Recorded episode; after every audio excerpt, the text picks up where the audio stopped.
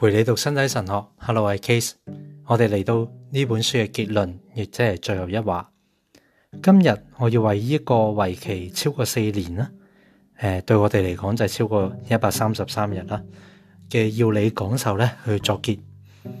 整个要你讲授可以归结为一个标题啊，就系上帝计划入边嘅人同人嘅爱。更正确咁讲，系肉身嘅救赎。同埋婚姻嘅性事性，佢哋可以分为两个大部分嘅。第一部分系分析基督嘅言论，过往嘅论述已经证明咗呢啲嘅言论好适合作为目前呢个主题嘅开端。我哋根据福音嘅文本嘅整体性，详尽咁样分析咗呢啲嘅言论喺呢个为期多年嘅探讨入边，似乎应该要突出要你讲授第一部分。所分析嘅三篇经文，首先系基督诉诸起初嘅经文啦，亦即系佢喺同法利赛人对谈嘅时候，谈到婚姻嘅专一同埋唔可以拆散嘅特质。接下嚟咧系基督喺山中喺登山宝训嘅言论，佢谈论到贪欲系喺心入边嘅奸淫，而最后咧。系三部对观福音都有记载言论，就系基督受诸肉身喺来世嘅复活。呢呢个系列啊嘅要你讲授嘅第二个部分咧，系根据以弗所书分析咧婚姻嘅圣事特质，即系圣事即系诶不可见嘅恩典在世可见嘅一个标记啦，即系婚姻系一个。一啲唔可见嘅恩典，不过在呢个世界入边嘅标记啦，咁样。呢段经文咧，追溯到婚姻喺圣经嘅起始，可见于创世纪所在嘅话，人应该要离开自己父母啦，与妻子联合二人成为一体。第一同埋第二部分，既要你讲授多次使用身体神学呢个词，呢个可以话系一个设定嘅用词。引入身体神学呢个用词同埋概念系必要嘅，好能够按住较宽广嘅基础去确立肉身嘅复活同埋婚姻嘅圣事性呢个主题。事实上，我哋好容易去发觉身体神学一词远超乎呢一度所述嘅探讨嘅内容。呢啲嘅探讨并冇包括好多就其对象而言属于身体神学嘅问题啦，例如。喺喺圣经信息入边占有重要位置嘅痛苦同埋死亡嘅问题，我哋应该清楚去说明呢一点嘅。尽管如此，我哋亦都要明确咁去承认，如果要正确咁样去发展有关于肉身嘅复活同埋婚姻嘅圣事特质呢个主题嘅探讨，我哋可以从启示嘅光照触及人嘅身体，呢个现实嘅机遇作为一个出发点。亦即系咧，以身体神学为基础，圣经多篇嘅经文已经确认咗呢一点，其中系包括咗创世纪所记载二人成为一个肉体一段话，而呢一段说话咧喺资料来源同埋主题方面，都系我哋论证所依据嘅，即系呢度佢嘅意思系身体神学可能包括更多嘢，包括啊痛苦啊死亡咁样，咁但系咧，诶。唔需要论述晒所有嘢咧，先至去讲到肉身嘅复活或者婚姻嘅性事性。反之，身体神学可以成为一个起点嘅基础啦。诶，作为嗰点基础咧，可以探讨到诶婚姻啊，诶肉身嘅复活咁样。咁唔需要论述晒所有嘢先讲到呢啲嘢嘅咁。就住婚姻性事作出探讨时，已经考虑到呢个性事嘅两个主要向导。同其他圣事一样啦，亦即系盟约同埋恩典嘅向道，以及咧另一个就系标记嘅向道，即系佢记约记记系上帝同神立约同埋施恩嘅渠道，同时咧佢都系作为呢个世世上边一个标记去示去展示神唔可以见嘅恩典嘅呢个向道，咁两个向道都有。我哋从呢两个向道咧不断回顾对于身体神学所作嘅探讨。而呢个嘅探讨都系围绕住基督嘅重要言论。我哋回顾呢啲探讨嘅时候，亦都系整个要理讲授嘅最后部分，分析咗人类生命嘅通谕。呢一份当代嘅教会训导文件所记载嘅训导，既与婚姻嘅性事特质有莫大嘅关系，亦都同我哋按住圣经所在基督嘅重要言论，对于身体神学呢个问题所作嘅整个解释咧，有重大嘅联系。喺某种意义嚟讲咧，我哋甚至可以话，所有关乎肉身嘅复活同埋婚姻嘅性事特质嘅探讨，都似系喺度构成紧人类生命呢个通谕所记载训导嘅循循注释。咁样嘅注释睇嚟系必要嘅。事实上，如我哋所知，通谕喺回答今日一啲关于婚姻同埋家庭伦理嘅问题嘅时候，亦都提出咗其他生物医学性质嘅问题。然而啊。呢啲嘅问题亦都主要系神学性质嘅，佢哋属于人学同埋神学领域，我哋称之为身体神学嘅领域。所作嘅探讨包括咗针对就住人类生命所提出嘅问题，痛如唤起嘅反应，确认咗呢啲问题嘅重要性同埋困难啊。呢啲嘅问题喺保罗六世后嚟更进一步嘅言论呢，亦都得到咗再次嘅确定。佢强调深入说明呢个领域嘅基督徒信仰嘅真理。系可能嘅。喺一九八零年主教會議《基督徒家庭角色》嘅成果出咗一份嘅勸喻，叫家庭團體確認咗呢一點啊。呢份文件係特別呼籲到神學家應該要更全面咁去發展同埋解釋人類生命喺聖經同埋位格主義呢兩方面所涵蓋嘅教義。如果要處理通儒所提出嘅問題，就係要確切咁去说明呢啲嘅問題，同時咧要尋求答案。家庭团体所在嘅教导要求喺说明问题同埋寻找适当嘅答案嘅时候，应该集中于圣经同埋位格主义依两方面。劝喻所在嘅教导亦都显示咗身体神学嘅发展进程，从而可以睇到身体神学逐渐迈向完成同埋深化嘅路向。喺圣经层面嘅分析就系要讨论教会宣布教导点样扎根喺启示。为神学嘅发展而言，呢个系好重要嘅。事实上，神学嘅发展同埋进步系通过不断咁去重新探讨启示嘅宝库而进行嘅。教会宣讲嘅教导扎根于整个教会嘅传统啦，同埋上帝嘅启示本身，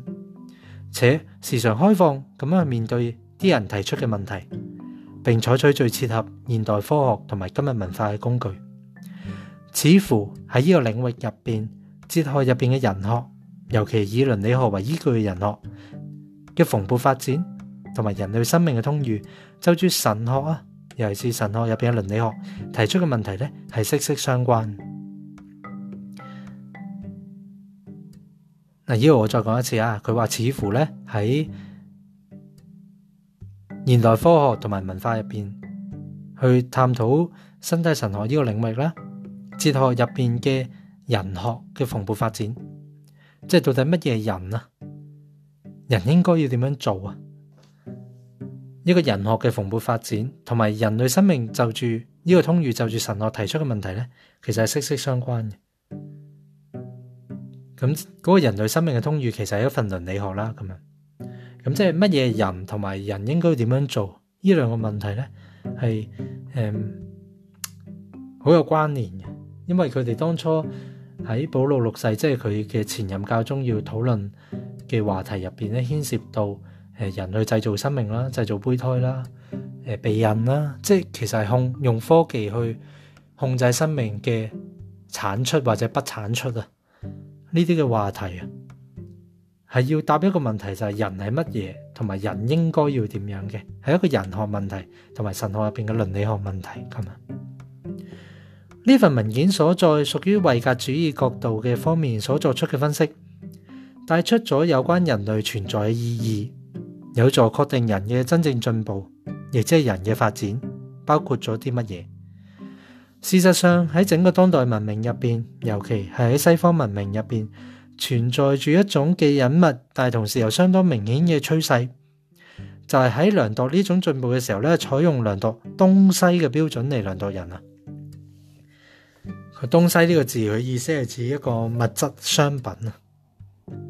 即系一种可以买卖嘅嘢，一种物质，诶，一种物品。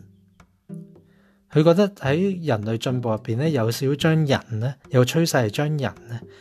视为一种物品咁嘅标准，或者商品咁嘅标准咧去量度人啊。呢个胚胎值几多钱啊？诶，人。要投資幾四百萬先至可以長大啊！誒，我哋點樣去誒養育我哋嘅仔女或者後代誒，令到佢成為一個可競爭嘅誒，可以同人競爭，亦即係賺取更多金錢嘅人啊。咁样一種商品、一種物質嘅方法去去量度人嘅趨勢。保罗六世通谕所记载就住教会训导所作有关于维格主义呢方面嘅分析呢佢强调一个坚定嘅呼吁啊，应该用量度维格嘅标准嚟量度人嘅进步。嗱，我讲多次啊，应该以量度维格嘅标准嚟量度人嘅进步，亦即系按照人之为人嘅真正善，嗰个系符合人基本尊严嘅作为标准嘅。究竟人类进步系咪令到人系更加更加能够成为卫格呢？能够喺位制入边共融呢？卫格同卫格之间获得尊重，唔去夺取对方诶，彼此交付自己嘅自由系做得到。好似基督将自己交付俾教会，教会亦都为基督去诶服同埋学习咧，基督嘅舍己。系咪一种咁样嘅维格嘅标准呢？人系咪朝住呢个标准去进步呢？系一个咁嘅问题。维格主义呢一方面嘅分析，使人深信通儒解释嘅基本问题系从人嘅真正发展呢个角度出发嘅。原则上应该按住道德标准量度呢一种发展，而非咧净系按科技嘅标准。即係當人按住科技越能夠去操控人呢一樣商品嘅時候，佢就提出一個反另一條路，個道德標準係使啲人係乜嘢？人係伟格，嗯，人係咪能夠越發揮誒上帝做人出嚟嗰種偉格嘅尊嚴？